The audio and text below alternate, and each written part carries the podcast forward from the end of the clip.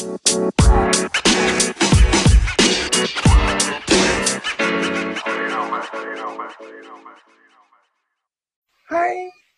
DJF. Halo. Kabar semua? Halo. Apa kabar? Eh, hari ini nih, kita mulai tanggal 4, eh, eh, tanggal 5 April 2020. Hari ini gue lagi ngecek, hari ini sudah mencapai 1,2 juta cases coronavirus. Oh, Banyak amazing. juga ya. Iya.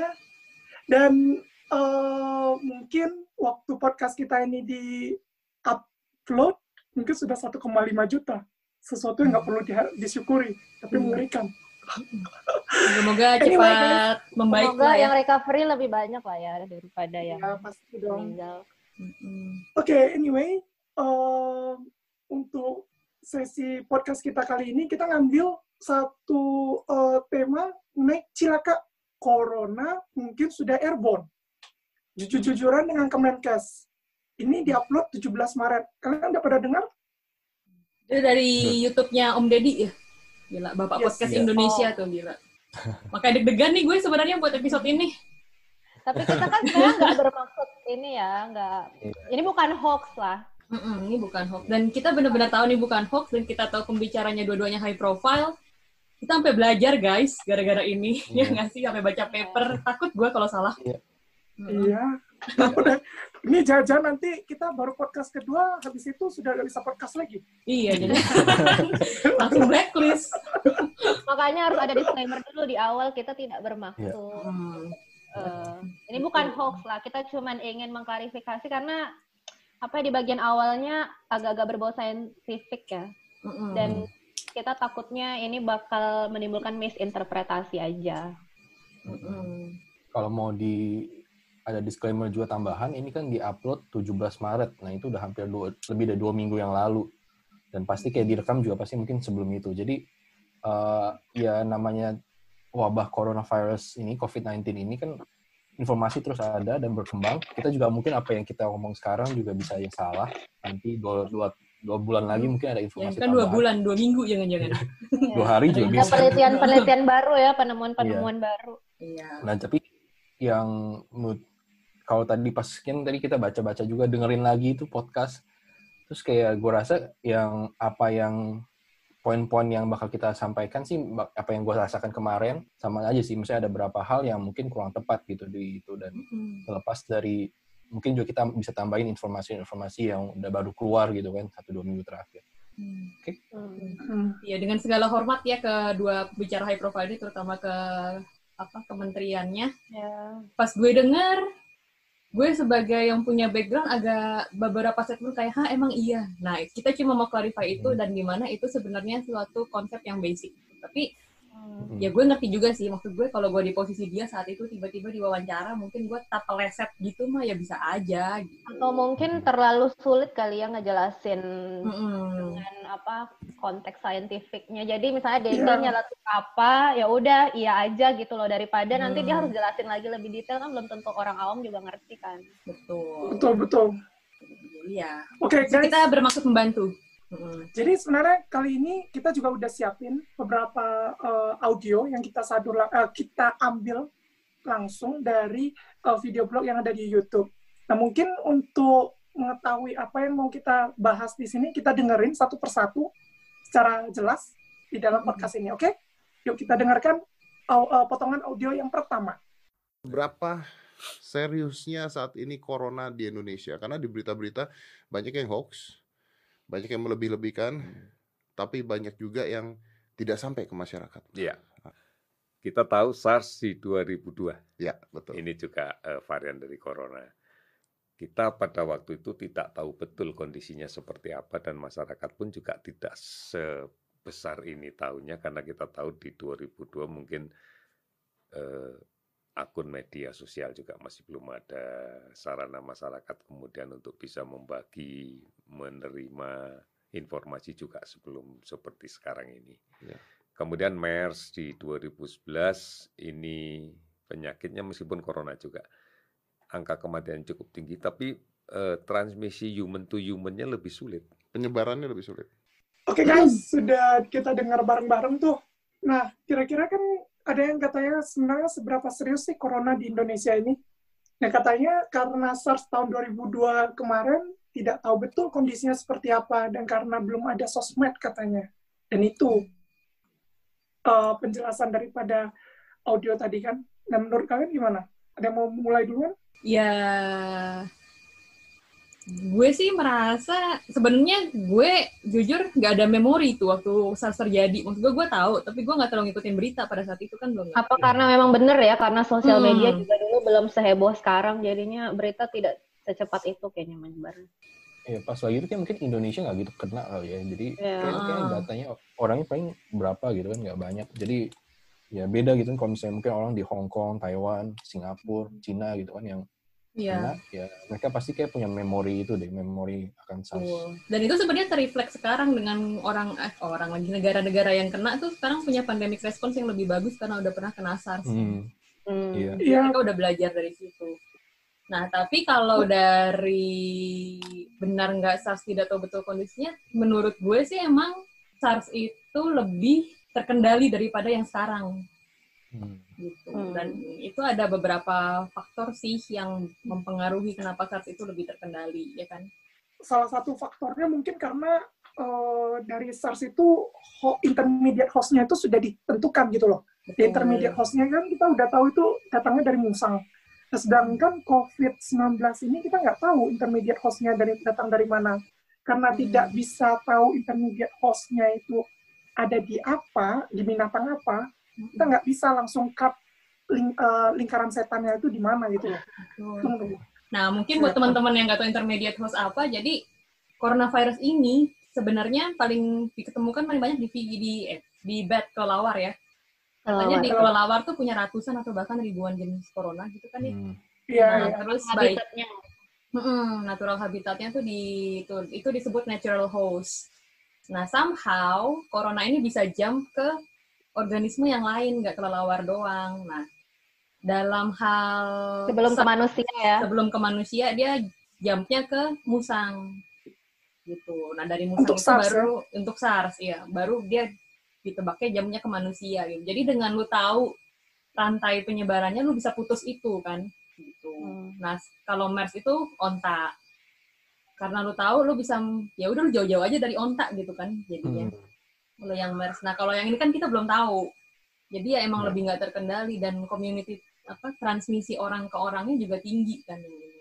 Hmm. Gitu. Itu salah satu penyebabnya kenapa yang kali ini lebih tidak terkendali. Gitu.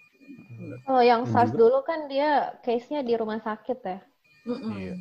Sedangkan yeah, yang yeah. itu di Wuhan, which is a big city yang kayak yang crowded dan apa namanya tempat transit banyak orang dan kotanya padat hmm. banget jadi transmisi dari satu orang ke orang lain lebih cepat apalagi tuh kejadiannya deket-deket imlek kan orang-orang pas hmm. terinfeksi ya udah traveling jadinya makin nyebar ke mana-mana juga ada kumpul-kumpul makan-makan iya kan juga ada ada acara makan-makan bedanya SARS sama ini juga yang paling krusial SARS-CoV itu apa COVID-19 ini sekarang ini lebih gampang nular kali ya jadi kayak dia bisa berdasarkan data yang ada sekarang kalau dibandingin dengan SARS, penyebaran tuh lebih cepat. Orang belum tentu punya simptom, punya gejala, udah bisa nyebarin ke yang lain gitu. Itu ada kayak ada prediksi, maksudnya orang berspekulasi dengan berdasarkan data-data yang ada, kayaknya belum ada gejala apa pun udah bisa nyebarin ke orang. Dan sedangkan SARS itu rata-rata dia ketika nyebarin berdasarkan data yang eh, pas 2002-2003 itu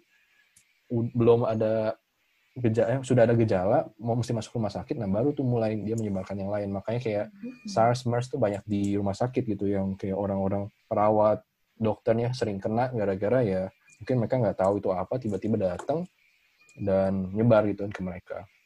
Hmm, dan at the same time lebih gampang terkontrol ya karena yang iya. apa kalau udah sakit kan dia nggak mungkin ke mana-mana dia udah sakit ya iya. ya udah jadinya hmm. tidur di rumah atau di rumah sakit gitu. Jadi nggak punya kesempatan untuk jalan-jalan kayak yang asim kok eh tapi kalau orang kita bukannya kalau sakit ke warung ya?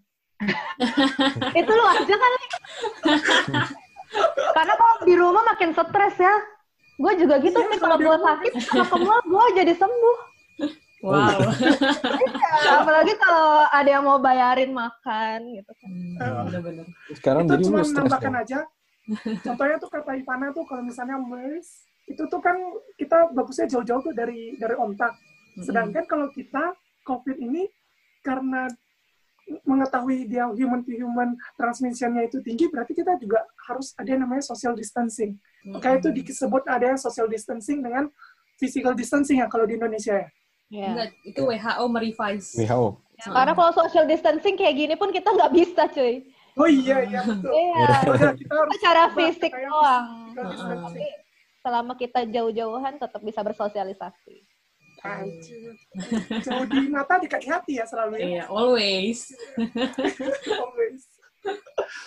Gitu. Oke, okay, kira-kira itu aja deh ya tambahannya untuk mm, jadi kesim yang pertama. Oh, jadi kesimpulannya emang mungkin sosmed berpengaruh, tapi emang nyatanya emang SARS itu lebih terkendali gitu ya. Karena banyak yang bisa dideteksi sehingga kita bisa putus mata rantainya dengan gampang gitu kalau SARS. Hmm. Kalau COVID ini kayak musuh dalam selimut, tidak ketahuan ada di mana dia. Jadi bingung juga gitu kan mutusnya di mana. Seperti Gina ya? Musuh dalam selimut. wow. wow. Gue itu doyan banget ngebully gue. lanjut audio lanjut, dua. Kita lanjut ke audio kedua. Uh, human to humannya yang sulit. Human to humannya lebih sulit. Iya, lebih sulit. Oke. Okay. Dibanding dengan yang sekarang ini. Oke, okay. maksudnya lebih sulit eh, pengertiannya gimana, Pak? Iya, tidak memud tidak mudah menular dari orang ke orang. Ini yang disebut uh, human to humannya tidak semudah sekarang ini. Kita tahu bahwa corona itu sebenarnya habitat aslinya kan ada di binatang. Yeah. Ini adalah penyakit yang atau virus yang secara uh, alami sebenarnya dia berada di binatang, mengalami mutasi dan kemudian bisa memiliki reseptor di manusia, dan kemudian dari manusia ternyata bisa menular ke manusia yang lain. Yeah. Nah, untuk MERS seperti itu, uh, tetapi begitu masuk penularan dari manusia satu ke manusia yang lain tidak semasif, tidak semudah uh, yang sekarang ini. Oke, artinya artinya uh, COVID-19 atau uh, coronavirus disease 2019 hmm. ini penularannya jauh lebih cepat dibandingkan MERS atau SARS. Bisa ditangkap seperti itu, Pak ya? Okay. Betul, jauh masih, lebih masif. Jauh lebih masif, oke. Okay. Jadi udah didengerin tadi dari audio keduanya dia mengatakan bahwa human to human MERS itu transmisinya uh, lebih sulit daripada COVID-19. Nah, kalau dari gua no problem. Dari yeah. kalian ada tambahan nggak? Itu betul sih. Gue pernah baca kalau nggak salah MERS itu kemungkinan orang yang kena MERS menyebarkan ke orang lain tuh kurang dari satu. Yang berarti dia sangat hmm. tidak sangat sulit dari penyebarannya dari orang ke orang gitu. Kebanyakan dari orang sama ontak kayaknya. Sedangkan yang COVID ini kayak antara 2 sampai 3 ya. Jadi satu orang yang terinfeksi bisa menginfeksi antara 2 sampai 3 orang. Oke, okay, ya. jadi gua ada tambahan kalau gitu. Gara-gara okay. kayak ini kalian ngom ngomongin mengenai R naught berarti. Yeah. R naught yeah, itu adalah sebuah term matematika yang menunjukkan seberapa uh, contagious contagious bahasa Indonesia apa ya? Seberapa, seberapa menularnya. Menular, iya benar. Menular lah, menular benar. Nah, seberapa menularnya sebuah penularan penyakit. Jadi contohnya hmm. Naught itu ada uh, R naught-nya itu tiga. Nah itu menyatakan bahwa virus ini menginfeksi satu orang, uh, maka orang ini dapat menginfeksi tiga orang lainnya. Nah contohnya kalau MERS tadi katanya di bawah uh, satu atau di bawah satu ya? MERS di bawah satu, iya. Satu koma sekian. Bawah satu, ya. Di bawah satu. Oh ya, di bawah satu. Hmm, tentu dia bisa menginfeksi orang kalau gitu. Betul. Uh -uh. Makanya sangat nah, gampang, lebih gampang dikontrolnya kan. Kalau COVID ini ada yang memprediksikan satu atau dua itu ya? Atau di atas satu? Yang penting di atas satu deh. Tiga, dua sampai setengah, tiga sih. Cuman di sini satu setengah sampai tiga koma sembilan. Hmm. Kan kita sekarang ini, masih belum tahu. Tapi gitu. datanya kan belum jelas juga kan, jadi belum yeah. bisa. Iya. Dan itu tuh maksudnya, gue agak nggak ngerti Arnold itu satu setengah sampai tiga per apa ya? Maksudnya itu, itu. maksud gue satu orang rata-rata menularkan ke tiga orang selama dia infektif atau selama per hari per apa? Kayaknya soalnya nantinya ada mention per hari tuh. Kalau kalau yang aku tahu R0 itu sebelum ditemukannya vaksin dan sebelum ada intervensi. Oh, jadi pokoknya selama makanya, periode dia menjadi infektif, dia tuh bisa menularkan tiga yeah. orang ya, bukan per hari yes. ini guys. Next, kita masuk ke audio ketiga. Saya yeah. pernah baca Pak, saya pernah baca kemarin juga saya baca kalau hmm. sekarang kita baca di Wikipedia atau di Google, hmm. sampai detik ini masih ada kata-kata is a plausible airborne. Hmm. Artinya uh, bisa saja ini airborne tapi belum tahu gitu. Iya, iya. Betul tidak Pak itu? Iya. Kalau kita lihat sekarang dengan ukuran virusnya yang cukup besar, kemudian kita lihat pola mutasinya, ada kemungkinan untuk berubah menjadi airborne disease. Ada kemungkinan, Ada kemungkinan untuk berubah, untuk berubah menjadi, menjadi airborne disease. Apakah sorry saya potong. Ya. Apakah uh, virus begitu bisa berubah jadi jadi yang tadinya droplet dia bisa berubah menjadi airborne? Bisa. Bisa. Vi virus ini wow. kan makhluk yang paling tidak stabil. Wow. Paling tidak stabil. Sehingga ada kemungkinan seperti itu. Wow. wow. wow. Ini penting nih, penting nih, hmm. panjang nih. Ini ini ini sebenarnya yang memicu kita untuk membuat video ini sebenarnya audio yang ini iya. kan yang utama. Ya, gue pas lagi denger ini lagi weekend gitu, ini kan kayak datangnya pas weekend gitu, kayak gue sampai bikin kayak live reaction, gue ketik kayak dia ngomong apa, gue langsung kasih kayak aneh banget. Lu ngetik di mana gitu. maksudnya? Maksudnya kayak ngechat sama orang gitu. Jadi iya, oh. Lo nggak lihat dia di grup suju dia live report yang kayak nggak terima gitu. Itu grup WhatsApp internal kami guys. Oke, jadi tadi ada dibilang mengenai COVID itu plausible airborne. Ukuran virus cukup besar dan dilihat dari pola mutasi, sehingga ada kemungkinan berubah jadi airborne disease. Hmm. Apakah virus bisa berubah? bisa karena virus makhluk paling tidak stabil eh bisa karena virus adalah makhluk paling tidak stabil. Hmm. Hmm. Coba dulu deh dibahas wow. definisi airborne itu apa. Oke, hmm. sebelum kita lanjut kita harus bahas dulu. Airborne itu kalian pernah dengar aerosol nggak sih? Pasti udah ini ya, kayaknya orang-orang udah pada apa namanya familiar dengan kata-kata aerosol. Jadi aerosol itu adalah suatu partikel itu udah solid atau atau liquid yang ada di fase gas atau udara. Nah, jadi penyebarannya lewat udara gitu. Nah, tapi virus ini kalau dibilang air, airborne, virus itu tuh nggak bisa melayang-layang sendiri sih. Kemungkinan besar virus itu bisa airborne itu karena terbawa sama partikel-partikel tadi itu, either itu liquid atau uh, yang solid, yang padat, misalnya debu atau aerosol itu kayak misalnya apa sih nyemprot-nyemprot by by clean, by fr by fresh ya. Baygon.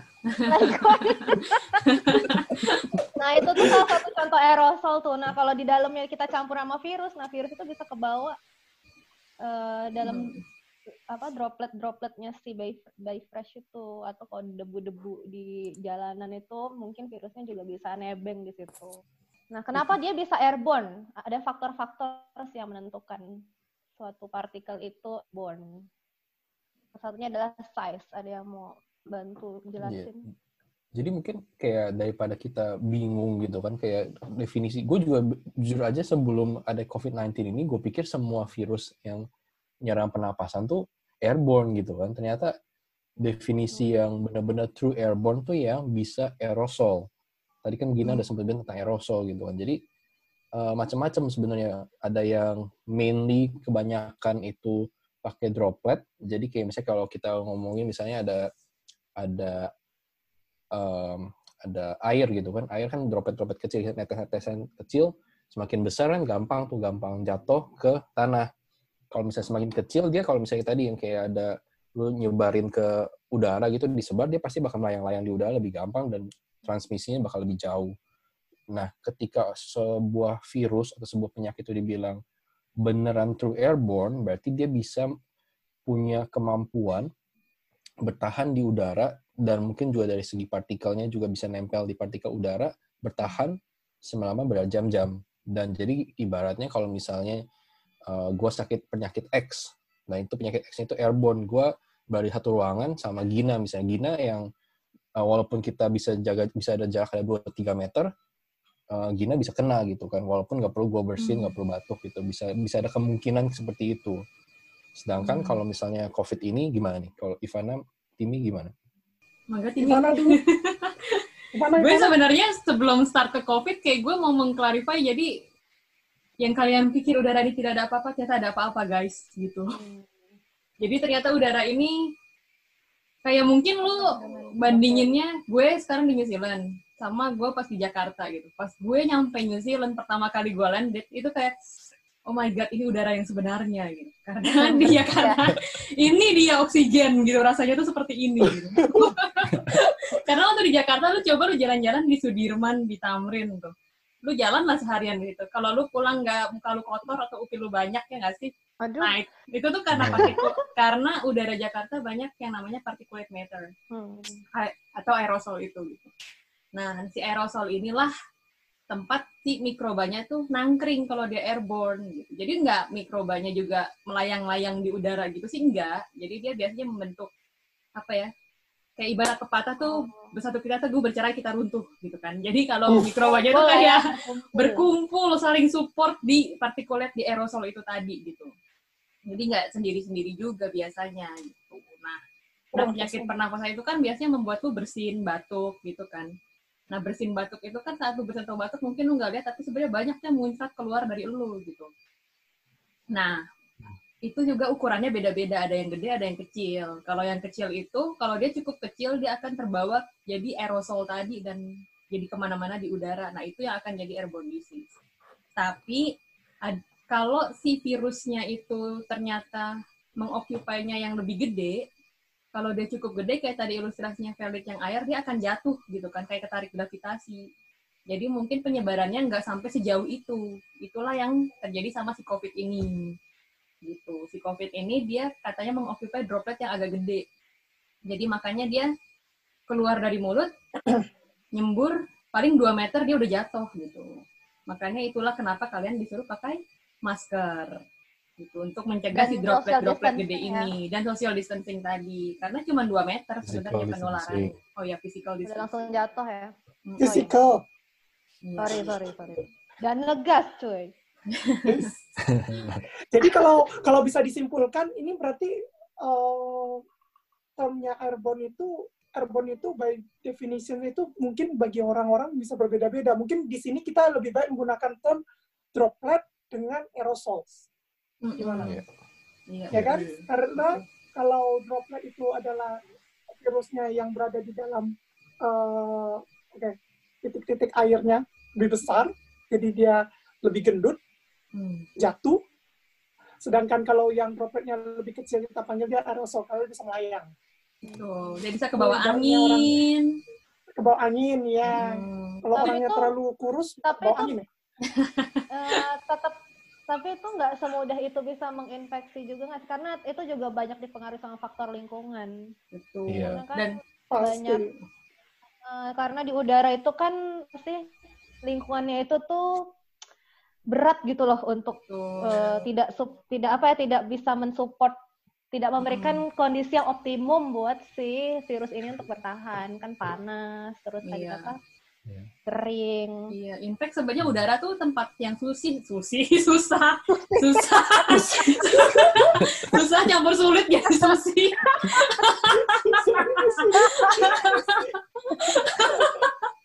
jadi Susah untuk bertahan bagi mikroba karena banyak radiasi. ya Itu kan dia luas, sementara dia nature-nya untuk survive harus membentuk koloni. Jadi kayak kalau lu mau berkumpul sama temen lu di lapangan bola itu lebih susah daripada lu kalau berkumpul sama temen lu di kamar lu yang dua kali tiga meter gitu misalnya, ya kan? Hmm. Gitu. Nah, Itu kalau lebih misalnya susah membentuk koloni. Kecil banget ya. Misalnya, Satu koloni itu kok ke bawah apa? weh weh. Iya. Terus mungkin kalau misalnya untuk virus ya dia dia kan butuh tadi itu butuh inang gitu kan. Jadi kalau misalnya Hmm. dia terlalu lama juga ya lama-lama dia bakal uh, bisa rusak juga gitu. Walaupun mungkin beda-beda kondisinya. Iya. jadi sulit lah ya virus itu bertahan di Mm-mm. udara Betul. Dan sebenarnya yang paling banyak itu airborne disease sebenarnya bak- airborne microbes sih nggak disease itu bakteri kan. sebenarnya. bakteri ya Mm-mm. 70% sampai 80% mikroba itu bakteri yang airborne Mm-mm. Yang ada Oh, di udara salah. itu bakteri. Iya. Nah, tapi juga mungkin kayak kan kalau misalnya kita baca berita gitu kan bukan cuma Dedi doang yang ngomong maksudnya oh bisa airborne itu gitu. Mm-mm. Mungkin mau tambahin kayak ya memang pas nah jujur aja gue nggak tahu Dedi dapatnya dari mana karena pas gue baca papernya yang ada itu pas tuh harinya sama tanggal 17 itu. Mungkin Dedi dapat eksklusif ini kali ya eksklusif konten. Jadi huh? uh, atau meramal dia?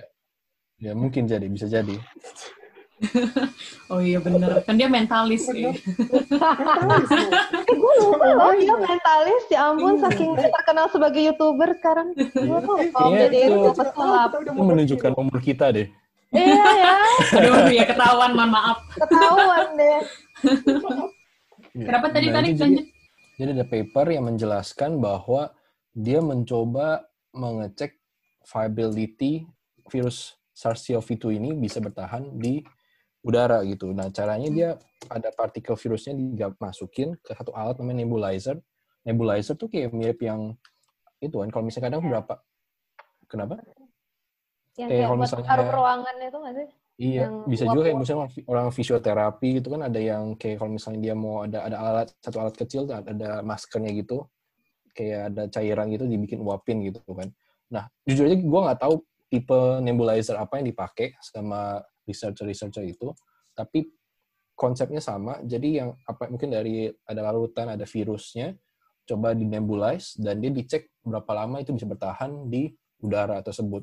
Dan ternyata dibilang tiga jam. Nah ini jadi heboh nih yang kayak kalau misalnya WhatsApp group, WhatsApp group banyak tuh kayak ada berita oh sekarang virus COVID bisa airborne. Terus nunjukin berita di CNBC, terus kayak ada WHO bilang makanya untuk tenaga medis ada airborne precaution yang perlu di, hmm. uh, perlu dilakukan untuk certain things. Nah kalau orang cuma baca judulnya doang, emang emang aneh gitu kan, emang emang kayak oh ini jadi airborne. Padahal kalau misalnya hmm. baca artikelnya dan juga baca linknya di artikelnya, itu sebenarnya pada dibilang gitu kalau misalnya untuk prosedur-prosedur tertentu, misalnya nama intubasi itu kayak orang kalau misalnya pakai ventilator gitu kan, ventilator sekarang banyak tuh sering di di berita gitu kan ventilator kurang segala macam. Orang kan mesti masukin tabung ke ke mulut pasiennya tersebut gitu kan. Nah, ketika kayak gitu kok namanya orang kalau masukin tabung ke mulut pasien pasti bisa choke gitu kan, bisa jadi ada sedak gitu kan. Jadi pasti ketika kayak gitu ada, ada resiko buat dokternya atau tenaga kesehatan yang lain tuh bisa terpapar gitu karena ketika dia tersedak dia bisa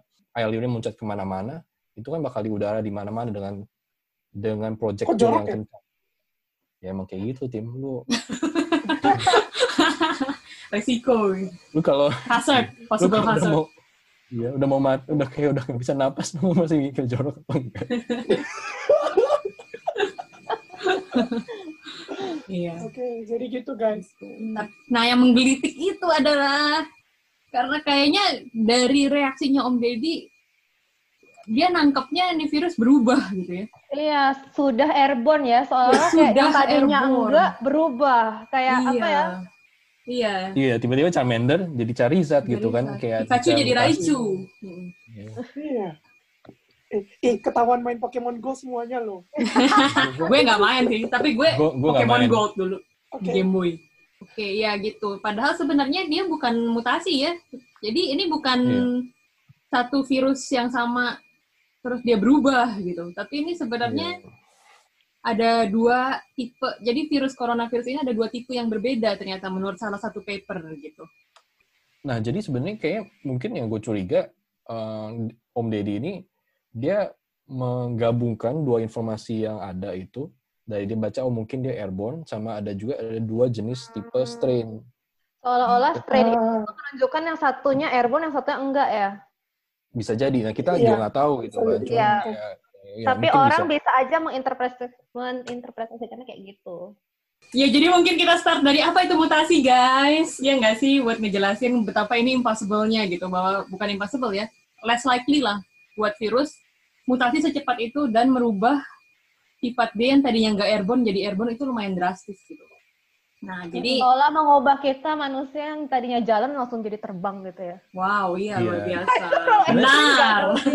Tapi sebenarnya itu analogi yang tepat loh. Jadi kayak iya kan ya? Kayak gitu mutasi tiba-tiba orang yang cuman misalnya cuman jalan, lompat-lompat, eh tiba-tiba lompat tuh jadi terbang gitu Iya, terbang. Kayak alat Doraemon nih dengernya. Iya, jadi mutasi itu kalau gue suka ngajarin ibaratnya itu mutasi lu menyusun kalimat dari huruf-huruf gitu kan. Jadi misalnya, jadi semua organisme mulai dari bakteri sampai yang paling itu manusia paling tinggi, paling kompleks itu tersusun dari yang namanya DNA. DNA itu mengkode lu tuh jadinya gimana gitu. Kayak gue misalnya mata gue sipit, hidung gue pesek gitu kan. Ntar orang lain gimana gimana itu berdasarkan DNA lu. Apa? Kenapa uh, emak bapak tikus anaknya nggak anak babi gitu. Nah itu juga dari DNA gitu intinya. contoh, contoh, contoh. Nah jadi misalnya DNA itu ibarat DNA dan organisme itu ibarat apa ya? Kayak novel dan huruf gitu kan. Huruf-huruf itu DNA-nya, novel itu organismenya. Jadi orga, novel novel itu tersusun dari huruf-huruf gitu kan. Huruf dan novel. Nah, misalnya ada kalimat nih. Apa um, ibu contohnya apa? Saya suka kalung gitu ya tadi.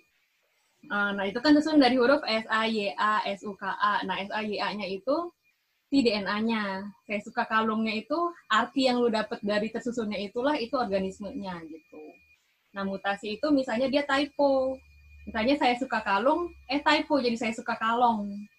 Nah itu kan jadi artinya beda banget gitu loh. Nah itu contoh mutasi.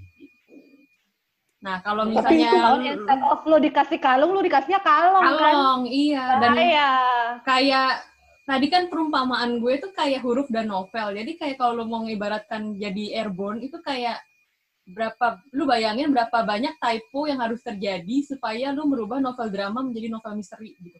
Hmm. Kan itu banyak banget dan kemungkinannya almost impossible gitu. Hmm. Timi tampak berpikir. Iya, karena yang contoh yang ini ini ini malah seperti contoh ini loh, kayak kamu dikasih yang itu, yang tadinya bisa berjalan tiba-tiba terbang. Karena antara kalung dengan kalung itu bedanya jauh banget. Iya, bedanya jauh iya, banget. Iya, iya, iya. Itu maksudnya ya, contoh ya mutasi. Ini yang gitu. contohnya, gitu. contoh mutasi. Mm -mm. Contoh mut jadi, Tapi mutasi itu, sorry ya, ini mm -mm. kita jadi agak saintifik. Tapi kalau misalnya mutasi itu kan nggak semuanya bisa meaningful. Contohnya apa yang kemarin itu? Itu ada yang namanya silent mutation. Hmm, jadi misalnya kalau anggap kayak bukan novel deh, misalnya ada naskah gitu kan, ada pidato. Terus kayak orang suruh copy tangan, misalnya tulis tangan, atau gini nih, kayak misalnya orang kayak kita pasti dulu pas lagi SMA atau apa, kayak misalnya laporan lab mungkin copy dari temennya gitu kan. Terus tiba-tiba salah gitu kan, kayak misalnya ada yang ngomong misalnya, uh, apa gitu, enzim jadi apa gitu, enzam atau apa. Gue baca, misalnya orang itu pasti ngerti, oh ini salah nih, typo atau apa. Tapi kan masih masih ngerti gitu, maknanya ada dari kalimat. Mungkin gitu. enzim kan ENZ IM, tapi dia typonya E N J I M tetap enzim ya. Enzim, enzim. Jadi orang dia tetap mungkin, jadi nggak ada masalah. Di, di bahasa Indonesia itu termasuk homofon mungkin ya? Iya benar. Iya. misalnya gue bilang saya suka musik rock, tapi gue ngetiknya bukan R O C K tapi R O K gitu. Tapi lu tetap hmm. ngerti kan itu maksudnya apa gitu, walaupun ya, ya, gue ya, salah ya. gitu. Jadi mutasi itu ada yang bisa menyebabkan perubahan sifat, ada juga yang tidak gitu. Hmm. Hmm.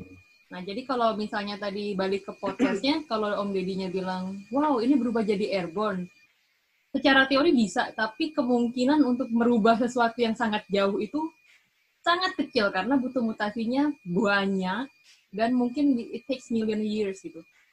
Million years ya. Oke, okay. oke. Okay, okay. Kalau gitu, kita next lagi gimana?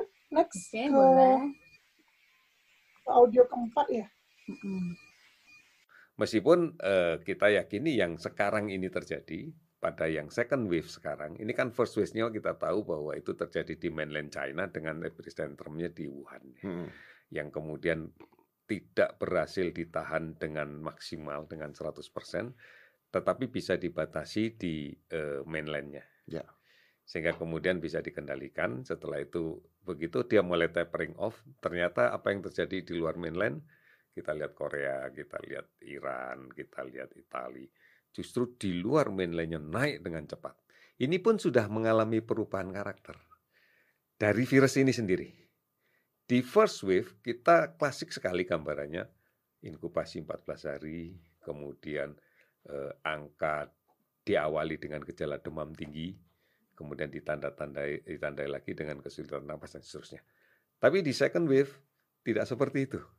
Kita tahu dari proses yang terjadi di transmisi di Diamond Prince, kemudian sebagian penumpang dan eh, ABK dijemput oleh Amerika yang warga negara Amerika pada hari ke-14 setelah kemudian dikatakan bahwa inkubasinya udah lewat nih. Ternyata sampai di negaranya sana pada hari ke-21 positif. Artinya kemudian kita lihat tidak lagi bisa kita pikirkan bahwa ini inkubasinya 14 hari. Sehingga kemudian sepakat WHO mengatakan, oke okay, kita pasang di dua kali 14 hari. Wow. Wow. wow. Tapi itu reaksi yang gue mengerti sih. Kalau misalnya Om Deddy lagi nyulap juga mungkin gue akan wow. Karena gue gak ngerti dia gimana gitu. Iya sih, yang di disulap itu dari 14 ke 28 hari itu gimana kira-kira tuh? Tahu. Tapi sebelum ngomong masalah 14 28 hari yang mungkin gue perlu highlight ketika Pak Yuri itu ngomong ada first wave, second wave. Hmm. Gue masih kayaknya yang dia yang dia as, dia implikasikan adalah bahwa second wave itu kan sebenarnya ada artinya aja perubahan-perubahan di second wave gitu kan. Yang nyebar keluar dari China. Hmm. Padahal sebenarnya kalau yang tadi kalau misalnya balikin ke yang Timi bilang dari 14 hari ke 28 hari, kayaknya kalau misalnya kayak kita ikutin beritanya gitu ya, gue sempat ikutin berita yang apa Diamond Prince ini gitu kan. Kayak mereka hmm. ketika di mereka memang di karantina gitu di kapal ribuan orang. Terus tapi kan nih kalau misalnya kayak namanya cruise ship itu kapal pesiar kan itu sangat-sangat close contact ya. Kayak hmm. bisa mungkin beda kamar bisa beda tapi kan pasti kayak satu kamar nggak mungkin kayak uh, yang bisa satu kamar bisa empat orang gitu kan nggak mungkin satu jarang kayaknya ada kapal pesiar yang dan juga sedikit lah kalau mungkin ada kapal pesiar yang semua kamarnya cuma sendiri gitu kayak itu kan nggak nggak ada pasti sempit kemungkinan besar kalau satu kena di ruangan itu satu kamar itu bakal kena yang lain dan juga ketika prosedurnya sendiri kan sempat ada yang komen komentar juga gitu. Ketika prosedur penanganan dan isolasinya sendiri itu tidak gitu ketat. Jadi hmm. uh, awak masih ketika dikasih makan kan awak, awak kapalnya sendiri. Awak, eh, awak kapalnya ya udah dia bakal misalnya gue yang berfungsi eh bertugas buat kasih makanan ya gue bakal ngedarin satu ke satu gitu satu ke dari satu kamar ke kamar yang lain. Itu kan kalau misalnya kalau satu gue terpapar dengan satu orang gue bakal bisa jadi bawa ke tempat lain gitu kan ke depannya hmm. nah ketika dibilang ini kan memang diinkubasi selama 14 hari di karantina 14 hari terus habis itu setelah setelah dua minggu ya udahlah mereka pulang ke negara-negara masing-masing gitu kan. Kalau di hmm. sini kan mungkin ada satu kasus memang yang mungkin setelah itu di hari ke-21 sejak masa ya, karantina, baru tujuh hari setelah dia pulang, eh ternyata dia ada simptom, dia ada gejala. Kalau kayak gitu kan kita nggak bisa serta-merta langsung bilang bahwa inkubasinya jadi 21 hari gitu kan, ada banyak faktor lain sebenarnya. Hmm. Jadi intinya Felix kayaknya mau bilang mereka sebenarnya nggak isolated isolated banget gitu ya? Iya, jadi kalau buat nge, bisa iya. aja dia kena hari keberapanya dia di inkub apa di karantina ya. Iya. Jadi kayak dibilang lebih lama ya sebenarnya nggak juga, mungkin dia sebenarnya baru kena di akhir-akhir gitu ya. Hmm. Ini bukan iya. sebenarnya 21 akhir, akhir hari inkubasinya gitu. Iya. Dan Balik lagi juga... itu yang namanya yang tadi kita bilang community transmission. Hmm. Yang mana iya. kita nggak tahu kan. Ya, kalau yang kayak gitu kamu apa atau enggak. Hmm, yang kalau yang kayak Pak Yuri bilang itu mungkin asumsinya kan in, apa karantina 14 hari asumsinya semua orang di kapal pesir itu kena di hari pertama karantina. Mm -hmm. Mm -hmm. Tapi bisa nyatanya nggak kayak enggak. gitu. Kenanya bisa yeah. di iya. hari-hari yang berbeda. Dan sebenarnya guys, apa? Ya, ya ngomong-ngomong. Bagian itu yang kita mau klarifikasi itu. Iya. Dan sebenarnya guys, delay. WHO juga bilang tidak ada evidence yang cukup kan untuk menunjukkan bahwa ini ada dua tipe infeksi yang berbeda, ada dua wave. Iya. Betul. Tapi, mungkin ketika di kayak misalnya ya di di sini misalnya di Singapura pakai istilah term itu juga first wave, second wave, tapi mengacu ke hal yang berbeda gitu. Kalau first wave itu datang dari misalnya pas di awal banget orang dari Cina ke Singapura. Itu first hmm. wave. Terus habis itu kan semua udah mulai membatasi perbatasan gitu kan. Berarti udah udah nyebar tapi udah keburu nyebar ke mana-mana lah. Nah sekarang lagi yang sekarang ini ini second wave karena dari dari Amerika, dari Eropa, dari negara Asia Tenggara lain gitu datang ke Singapura gitu. Tapi kan spesifik untuk kasus Singapura. Nah kalau misalnya untuk Indonesia ya atau misalnya kayak in general ya namanya first wave, second wave itu sangat rancu ya. Hmm. Kayak bukan berarti ketika dia dari Cina keluar terus tiba-tiba dia ganti topi, dia ganti gaya baju terus ganti jadi jadi sifat yang berbeda gitu. Nggak nggak, nggak juga. Kayaknya first wave, second wave itu kalau ngelihat di apa namanya statistik kasus corona yang di apa sih websitenya, yang live update itu, itu kan kelihatan kurvanya dia naik terus rata, abis itu naik lagi kan. Nah yang rata naik terus rata yang pertama kali itu kan karena di Cina doang awalnya yang banyak. Terus di Cina udah mulai nggak nambah lagi, terus tiba-tiba yang lain nambah di Europe, di Amerika nambah itu tiba-tiba naik lagi itu kayaknya maksudnya second wave sih. Hmm kondisi di sini malah kalau gue baca berita nih maksud second wave tuh kayak China kan udah lockdown nih. Yeah. Mungkin nggak nanti nambah lagi. Nah itu akan jadi nah, second itu, wave. Ya itu yeah. definisi yeah. second wave di negaranya dia lagi itu. Mm-hmm. Karena selama virusnya masih ada kan kalau lockdownnya udah ditiadakan, selama orang hmm. masih ada yang kena dari luar bisa masuk ke negara ke Cina lagi kan yeah. bisa aja ada second wave.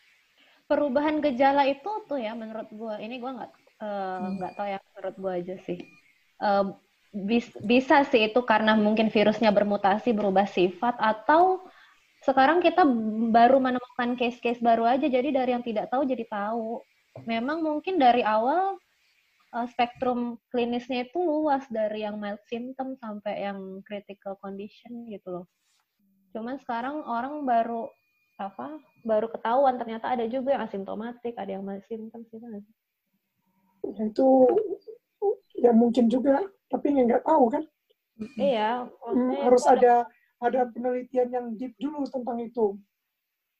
Hmm. nah gua rasa sekarang ini untuk penelitian semacam itu baru bakal ketahuan waktu sudah mulai ini nggak sih mulai aku yakin sekarang pasti researcher juga lagi kerjakan cuman datanya itu belum Yalah, masih... Gitu. Mm Ya kan? Mm. Ya nggak sih? Mm. Iya, iya masih banyak yang uncertain sih, belum pasti. Ya, ya, man, ya namanya juga baru-baru juga, ini baru tiga bulan. Lu bayangin aja tiga bulan ada virus baru, vaksin aja sudah sudah diuji coba. Bayangin dong. Ini hmm. Kalau di dalam sejarah manusia itu nggak pernah ini. Baru pertama kali ya. Instan, ya. Orang 12 bulan aja pas dengar vaksin bakal keluar 12 bulan lagi tuh mereka udah pada stres. Padahal itu udah termasuk sangat-sangat cepet. Itu sangat-sangat optimis malah sangat sangat oh, optimis yeah. which is less likely yeah. sih tapi ya semoga aja oke okay. begitu lanjut aja dulu mm. uh, video ke lima itu yang pertama kemudian yang kedua banyak sekali kasus yang kita temukan dengan gejala yang ringan banget tidak seperti yang klasik awal bahkan dilaporkan ada yang asimptomatis yeah. Ini artinya sudah tidak lagi efektif untuk melakukan deteksi dini di pintu masuk negara mana pun yang kemudian hanya mengandalkan uh, thermal scan. Artinya banyak sekali kasus dengan suhu yang tidak terlalu tinggi tanpa keluhan. Ataupun kalau muncul keluhannya minimal. Dan biasanya dengan cara seperti itu orang akan bisa berinisiatif untuk beli obat sendirilah di warung gitu ya, di toko dan kemudian dengan pengaruh obat itu uh, gejala itu makin hilang. Oke, okay. oke, okay. baik. Oke. Okay. Oke, oke, baik. Gejala Jadi ringan. kembali lagi, bagaimana dia menyatakan second wave-nya itu loh. Iya. Yeah. Meaning dan second wave-nya dulu, ya kan? Ya sih? Mm -hmm. Kayak daripada mungkin first wave sama second wave, yang lebih cocok kalau misalnya tadi yang gue bilang kan kayak first wave sama second wave mungkin untuk satu negara itu masih bisa tapi kalau dari segi uh, big picture, dari secara keseluruhan, lebih mungkin kayak ada fase satu, terus mulai di itu awal di Cina, terus fase dua yang mulai menyebar ke mana-mana gitu kan. Mm-hmm. Iya gak sih? Kalau misalnya kalau yeah. first wave, second wave, terus dengan ketika dia mulai menyebar ke mana-mana, mulai jadi banyak negara juga yang melaporkan data-data mereka gitu kan. Jadi bukan cuma di Cina hmm. aja, tapi mungkin ada orang yang mas oh di Cina ditutup-tutupin misalnya tapi ya oke okay lah misalnya nggak apa itu tutupin atau gimana orang nggak percaya sama data itu ya bisa lihat di data yang lain gitu kan tapi kayaknya yang dari segi dia nggak bisa dideteksi dengan thermal scanner emang benar sih karena hmm. itu juga kayaknya banyak dari hmm. awal juga dipertanyakan deh apa seberapa hmm. efektif sih sebenarnya thermal scanner buat menangkap uh, menangkap orang-orang yang sakit gitu kan. Kalau misalnya ini berarti orang yang sudah ada gejala udah panas baru bisa tahu gitu kan. Emang kebanyakan pasti kena ada panas gitu. Tapi kan bisa kayak baru baru mulai meriang dia belum panas ya nggak bakal dapet gitu kan. Tapi udah panas pun kalau lo minum panadol juga lo kan iya. panasnya iya. turun. Iya, itu kan kejadian berapa kali kan kayak yang ada yang dari iya. Cina ke ke Perancis kalau nggak salah. Eropa. Ada yang iya, ada berapa yang ke mana juga gitu. Tapi sebenarnya gue nangkepnya Yurinya juga ngomongnya second wave refer ke itu sih enggak ya? First wave tuh Wuhan, second wave tuh dunia deh. Dari, dunia. Iya. Uh, kayaknya sih itu. Iya. Tapi ya jujur aja gue nggak tahu apa yang data yang dia pakai sih dari segi hmm. kayak asimptomatis apa enggak gitu kan. Kalau misalnya kita compare misalnya pas lagi itu compare sama data di Korea gitu kan memang banyak yang asimptomatis tapi kan karena Koreanya ngeceknya semua gitu kan hmm. yeah. kayak baik mungkin di awal-awal Cina taunya mungkin hanya gejala pneumonia-nya aja jadi kalau yang pneumonia yeah. berarti itu kena SARS-CoV-2. Nah, padahal kalau lo mau ngecek semuanya tanpa lo lihat gejala klinisnya mau yang sehat apa sakit dan sehat, eh ternyata yang sehat juga ada nih. Baru udah ketahuan kayaknya lebih ke situ sih. Iya, iya. Tapi dari Tapi, itu bisa di Indonesia kayaknya oh, karena limited untuk testing PCR, mereka juga masih pakai CT scan nggak sih? Dilihat paru-parunya. Nggak semua nggak deh, ya? nggak semua deh kayaknya. Nggak, tahu kita. Ya? Gue pernah dengar dari yang satu yang dari dokter, kayak dia bilang kayak CT scan sendiri kan juga nggak nggak kayak di Cina kan CT scan-nya banyak banget.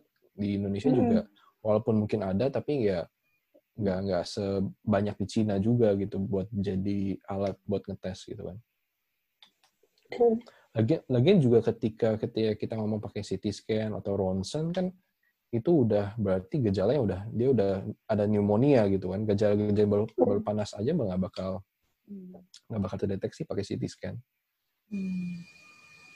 Jadi nggak tahu deh menurut gue sih um, gue masih nggak tahu kenapa bisa dibilang asimptomatis. Nggak tahu maksudnya data apa yang dia lihat gitu. Sedangkan yang gue rasa mungkin ya itu masalah testing kriterianya aja. Kalau misalnya di luar yang dites dari yang nggak sakit ya bakal kelihatan bahwa ada berapa orang yang positif tapi nggak punya gejala. Tapi kalau mungkin di di Cina apalagi di awal-awal ya kan yang pasti yang sakit parah yang bakal kedeteksi gitu kan yang nggak nggak sakit hmm. mah nggak bakal kedeteksi itu kan kayak mau penyakit apa pun yang baru aja muncul pasti punya punya hmm. kendala yang sama. Pas kontak tracing itu baru ketahuan ya. Mm-mm. Jadi kesimpulannya kita nggak tahu nih second wave beneran asimptomatik apa enggak karena emang jangan-jangan yang awal yang, yang kita detect cuma yang simptomatik. Iya. Iya. Baru iya. sekarang aja kita makin lengah, jadi kita makin detek-detek, eh ternyata ada loh yang asimptomatik gitu ya kesimpulannya. Iya. Iya. Oke, okay, lanjut. Lanjut ke audio 6. Kalau ini dikatakan plausible to be airborne yeah. atau ini bisa airborne hmm. dan kita tahu bahwa sampai detik ini pun kayaknya WHO sendiri gini nggak usah uh, Kementerian Kesehatan Indonesia WHO sendiri bingung itu kan intinya Pak WHO sendiri bingung iya. kalau ini possible to be iya. airborne yeah. artinya cuci tangan kayak uh, pakai masker tidak nolong lagi kalau ini airborne. Iya, tidak menjadi efektif. Tidak menjadi efektif ya, kalau ini airborne betul, dan betul. ada kemungkinan ini airborne. Betul. Wow. Tetapi kalau kita lihat dengan sekarang saja dengan Belum. adalah perubahan perilaku yang menjadi lebih masif dengan gejala yang minimal, satu sisi kita tidak bisa mengendalikan lagi sebaran dengan mudah, tapi kok ya bersyukur juga pada sisi yang lain klinisnya kok menjadi lebih ringan. Klinisnya menjadi ringan. Lebih ringan. Jadi bisa aja ini airborne, Betul. tapi klinisnya menjadi ringan. ringan. Wow. Toh. Nah ini yang kemudian seperti yang kita alami di SARS dulu, lama-lama berubah menjadi seasonal flu. Seasonal flu betul. Iya. Akhirnya ya. jadi flu biasa. Iya seperti flu itu. biasa. Oke. Okay. Seperti H1N1 misalnya ya. di tahun 2009 kita lihat begitu menakutkan. Sekarang hampir semua flu kalau kita periksa di Indonesia itu H1N1. Ya, oh wow, oh ya. Jadi jadi seasonal flu. Jadi seasonal jadi flu. Seasonal flu. Oke. Okay. Tapi seasonal flu juga bisa mematikan kan, Pak? Ya, tentunya kalau kemudian didasari dengan penyakit komorbid yang kuat bisa-bisa saja. Bisa-bisa saja. Bisa-bisa saja. Oke. Okay. Wow, katanya kalau udah airborne cuci tangan dan sebagainya tidak mempan lagi. Perubahan perilaku jadi masif tapi klinis lebih ringan. Lama-lama berubah jadi kayak seasonal flu. Hmm. Hmm. Sebenarnya kalau misalnya walaupun airborne apa enggak, uh, SARS-CoV-2 ini mirip dengan MERS sama uh, SARS yang 2002 gitu kan. Dia kebanyakan droplet tapi bisa airborne. Beberapa kasus uh, kemungkinan besar ada aerosol gitu kan. Itu kan tetap aja gitu. Mainly tetap droplet, jadi tetap mesti cuci tangan.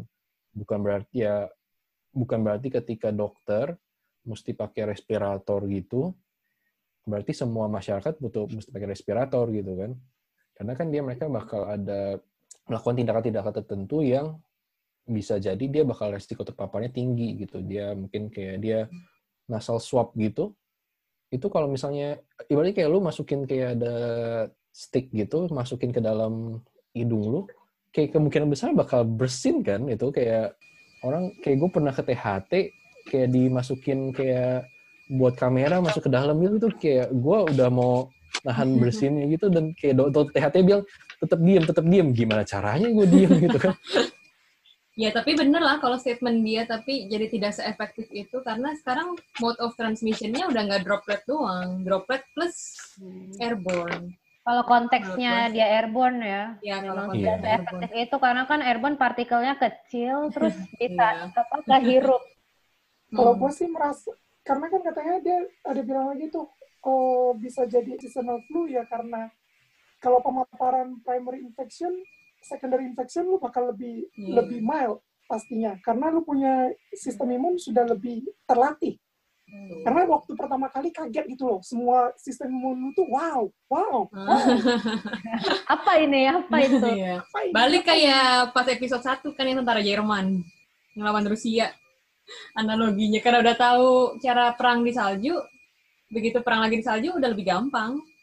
Karena udah iya. tahu, udah pernah kena corona, begitu kena corona lagi udah tahu dia caranya gimana. Iya. Tapi Jadi never underestimate tubuh kita sendiri. Lebih baik ya. menjaga tubuh, makan cukup, lalu tidur yang cukup, uh, jaga kesehatan. Tapi yang gue curiga mungkin ketika si Yuri kan bilang gitu kan kayak SARS dulu tahun 2002 itu kayak jadi seasonal flu. Kayaknya uh, di satu sisi tuh ngaco dari segi history ya historical itu kayak SARS ya tiba-tiba mati aja gitu udah nggak ada gitu kan maksudnya ya, walaupun kemungkinan hmm. besar bisa ada lagi bisa sih itu apes banget sih kalau misalnya tiba-tiba SARS muncul lagi sekarang gitu kan uh, yang dia mungkin dia kan sempat jelasin juga nanti mungkin dia ada ngomongin nanti bakal ada ngomongin apa uh, H1N1 gitu kan flu yang tiba-tiba jadi seasonal flu. Nah itu benar di itu bakal nanti di klip yang selanjutnya bakal ada ngomongin tentang itu. Cuman kalau misalnya uh, tiba-tiba nih COVID ini jadi uh, berubah jadi seasonal flu ya enggak sih. Dia nggak bisa tiba-tiba covid jadi jadi ganti jadi flu gitu kan. Nggak nggak nggak bisa berubah spesifik nggak bisa berubah karakteristik hmm. segitu jauhnya juga ya udah kita ya. lanjut dulu ke ke video ketujuh ya Oke, saya dengar juga bahwa uh, si virus ini mutasi menjadi tipe S dan tipe L. Mm -hmm. Tipe L lebih mematikan katanya mm -hmm. dibandingkan tipe S. Mm -hmm. Jadi ini bisa saja bahwa ini virus bermutasi terus, Pak. Pasti. Karena karakter virus yang khas adalah tidak stabil pada struktur DNA-nya, mudah sekali dia berubah. Dipengaruhi oleh faktor cuaca, difaktori oleh faktor uh, iklim, dan sebagainya. Juga bagaimana interaksi genetik dengan inangnya. Hmm. Jadi bisa saja menjadi berubah. Sehingga kemudian kalau kita lihat sebaran sebaran yang ada dari Wuhan, itu kan variasinya macam-macam. Ada yang warnanya kemudian ditandai dengan warna orange, warna ungu, warna hijau, warna biru yang kemudian menggambarkan bahwa ini lebih eh, berat dibanding yang satunya dan seterusnya. Okay. Ini sangat memungkinkan itu. Ini sangat memungkinkan sangat untuk menjadi seperti itu. Nah, iya. Wow. Wow. Tapi Om iya. Deddy ini update banget ya. Gue nggak tahu iya. ada tipe atau S itu kalau nggak baca eh nggak dengerin podcastnya dia. Bener, gue juga kalah gue. Tapi kalau sebagai saintis kita harus agak kritis karena itu datangnya dari satu paper. Dan papernya itu juga sebenarnya studinya cuma in silico ya. In silico tuh jadi yeah. dia nggak melakukan uji yang benar-benar nguji di lab gitu. Dia cuma kayak data mining. Dia cuma jadi ngambil kayak, data. Hmm? Pakai analogi lu tadi itu yang hmm. kode DNA yang di buku di novel. apa ya analoginya? Kata-kata, misalnya kata-kata dari novel itu sama kan ada beberapa novel yang sama nih. Uh, di copy sama tapi ternyata selama dia di copy itu kan ada kesalahan-kesalahan nah terus uh, in silico ini ceritanya lu pakai komputer lu ambil kata-kata yang ada di novel satu, yeah. novel 2, novel 3 terus lu jajarin tuh lu bandingin. Hmm. Jadi kan yeah. kelihatan nah, tuh mana yang beda. Yeah. Ada satu nah, huruf yang beda kayak gitu dia. Nggak nggak ada uji labnya dan nggak dihubungin oh. sama apakah perubahan ini tuh bermakna apa enggak sih sebenarnya. Nah, sebenarnya kalau misalnya riset seperti itu sah-sah aja gitu dan banyak banget dan itu sangat hmm. sangat sangat beneficial gitu kan buat kita tahu buat tahu gimana penyebarannya segala macam. Kayak ibarat tadi kayak contoh buku itu kita tahu tuh mana yang pertama yang duluan. Misalnya Ivana tulis sama yang nanti salah-salah cetak selanjutnya gitu kan misalnya. Hmm. ketahuan. Tapi bukan berarti kalau misalnya yang salah cetak selanjutnya itu ternyata lebih realis di lapangan lebih banyak ditemukan bukan berarti itu jadi lebih populer lebih bagus gitu kan kalau pada salah. Hmm. Hmm. Jadi intinya tuh in silico contohnya kalau novel tadi misalnya nih novel misteri, lu analisa oh ternyata setiap novel misteri banyak kata setan. Gitu. Nah jadi lu memprediksi kalau ini ada kata setan kemungkinan dia hmm. novel misteri misalnya gitu hmm. analoginya. Nah kalau ini juga jadi dia ngambil data DNA-nya si virus terus dia cek mana yang eh mana yang beda-beda gitu. Jadi tiap organisme itu kan ada sesuatu yang semua harus sama. Kayak misalnya semua jantung harus berdetak gitu kan. Nah itu DNA-nya harus sama. Tapi ada yang beda-beda. Kayak misalnya ada gen mata biru, mata coklat, mata hijau gitu. Nah itu disebutnya single nucleotide polymorphism atau SNP. Ya, ini agak saintifik ya. Itulah yang membuat kita itu unik semua ya. organisme yang ada di yang ada di bumi ini unik. Ya. Tidak ada satupun tuh yang betul-betul persis mirip tidak ada. Bahkan kamu pun dengan adik kamu yang dari satu factory yang sama pun itu nggak sama gitu loh. Kalau sama itu berbeda. Uh, kalau kembar aja, kembar aja pun itu pun ada bedanya. tidak 100% sama. Mm-mm. Banyak yang identical twin beda, ada bedanya juga. juga. Ada bedanya juga pasti. Mm -mm gitu. Itu karena si itu itu tadi. Uh, nah si yang Snip, tadi di river ini si tipe S sama L dia beda SNP-nya. Uh -uh. Jadi virus yang sama tapi ada perbedaan dari SNP-nya ini gitu. Dan ternyata walaupun papernya cuma satu sih dan belum teruji, dia si paper ini bilang ada tipe L sama tipe S. Tipe L itu yang pertama kali banyak di Wuhan kalau kata paper ini ya gitu. Dan tipe L ini lebih agresif karena dia nyebarnya lebih cepat. Oke, kebalik deh. Yang tipe L S yang... itu lebih sedikit, yang L lebih S, banyak. S itu ancestornya L. S itu ancestornya iya. L, L itu lebih agresif. Iya. Iya benar kan? Iya. Dan dia trans Tapi yang S itu yang di Wuhan nggak sih? Yang di Wuhan L. Terus karena di Wuhan tiba-tiba lockdown, karena dia highly transmissible, jadi kan dia butuh untuk nyari host terus kan. Tapi tahu-tahu kan di Wuhan itu dia measure-nya lumayan ekstrim langsung lockdown, jadi dia nggak bisa menemukan host, jadi dia ya udah hilang dari peredaran dengan sendirinya si L ini. Jadi yang jadi yang bisa bertahan yang S, S ya. Uh -uh. Karena S nggak ketahuan. Nggak ketahuan. Tapi itu ingat sekali lagi itu adalah kesimpulan dari satu paper satu saja. doang dan kalau masih butuh penelitian lebih lanjut ya. Yes. Kita nggak bisa bilang itu benar apa enggak. Tapi kita nggak bilang itu juga salah tidak iya. juga mengatakan itu benar. Oke. Okay? Butuh butuh tapi, penelitian tapi sebenarnya lagi. agak agak keren, agak aneh sih de, dengan kalau misalnya baca papernya. Hmm, definisi yang dia pakai itu agresif. Hmm.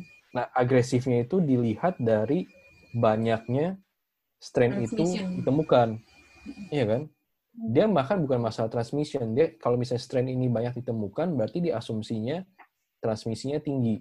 Sedangkan itu kan masih dengan sampel size yang cukup kecil, ini kayak 100 atau apa, bisa hmm. jadi salah gitu kan, salah ambil kesimpulan.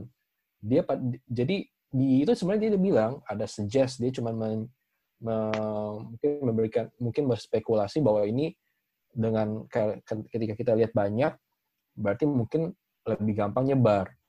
Cuman ya di tapi anehnya memang di bagian kesimpulannya dia menyimpulkan seperti itu dan ini tiba-tiba media kan langsung caplok kesimpulannya dan di, di, disebarkan gitu kan bahwa ada yeah. dua tipe strain yang satu lebih lebih gampang nyebar yang satu lebih enggak gitu tapi balik lagi ya guys WHO itu yeah. menurut WHO nggak ada evidence yang cukup untuk bilang ini berbeda gitu sebenarnya ini cuma berdasarkan yeah. satu paper ini doang sama kayak sebenarnya okay. kayak orang ada yang rambut, misalnya kayak warna kulitnya beda, atau mungkin tadi Ivana bilang kayak ada yang sipit, ada yang belo gitu kan. Itu tapi tetap aja kayak spesiesnya masih sama manusia gitu, sama kayak ini kayak walaupun ada perbedaan-perbedaan dikit, nggak signifikan itu sampai bisa dibilang bahwa ini benar-benar beda gitu kan. Hmm. Nggak langsung berubah jadi terbang ya, walaupun warna warna mata lo atau ukuran mata lo. Iya. Ya, bukan berarti kalau misalnya ukuran mata lo gede, tiba-tiba lo jadi bisa melihat uh, melihat apa? dunia gaib, jauh. melihat asal. Atau pandangan pandangan lo jadi lebih bisa jauh bisa lihat jauh gitu, misalnya 200 yeah. meter masih Nah, oh iya, iya benar benar. Kok merasa tersinggung kalau kayak gitu? No, no. Jadi gak, gua pandangan gua gak jauh gitu ya? ya setim lah bertiga kecuali Gina. gue juga gak gede-gede amat kali. Lanjut ke yang nomor 8 ya? Uh, kita tahu bahwa virus ini datangnya dari Wuhan dan dan sudah uh, bulan berapa itu ya? Uh, Sekitar Desember lah gitu ya, baru diidentifikasi di minggu-minggu pertama Desember mungkin ya teridentifikasi. Iya. Dan kita tahu juga pada saat itu ditutupi sebenarnya, maksudnya hmm. tidak untuk dikasih tahu banyak masyarakat. Saya rasa untuk supaya nggak panik, yeah. idenya yeah. supaya yeah. tidak panik. Tapi kan uh, akhirnya banyak orang yang ngomong uh, stop lying to people, stop lying to people, berhentilah berbohong ke iya, masyarakat iya, kita. Iya, iya.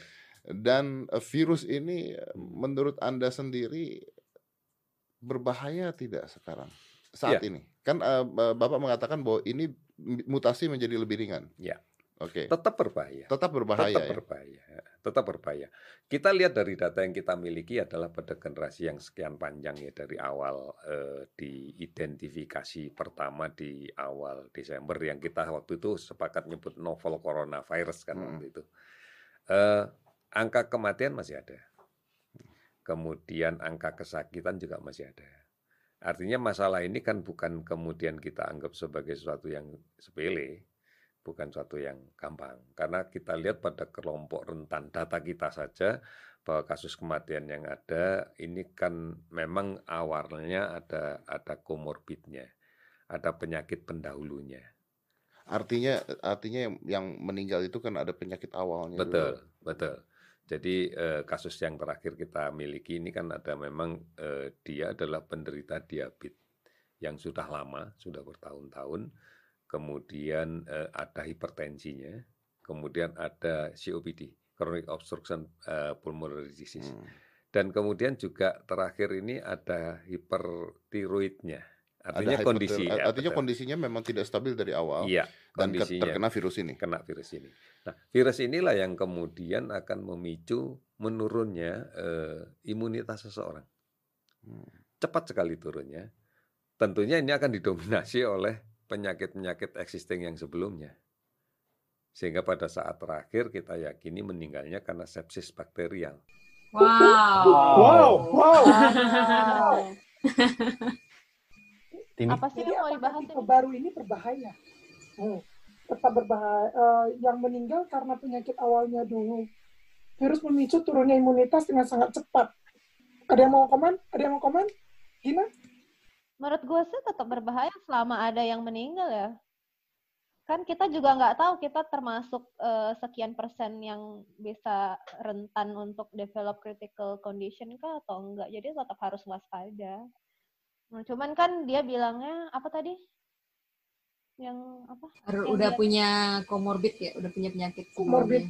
Hmm. Nah itu memang resikonya lebih ini sih, lebih tinggi untuk develop critical condition karena dengan lu misalnya usia lu udah lebih tua kan berarti imun sistem lo akan lebih lemah. Dan misalnya kalau udah punya penyakit-penyakit kayak diabetes dan apa namanya uh, apa darah tinggi hmm. itu sistem imun lo juga lebih rendah. Kayak waktu Ivana bilang itu yang di episode pertama. Apa namanya yang sistem imun analogi lo gimana kemarin? Jerman Ya, jadi kalau jadi, Jerman lagi sibuk di Rusia, tiba-tiba Amerika menyerang. Ya.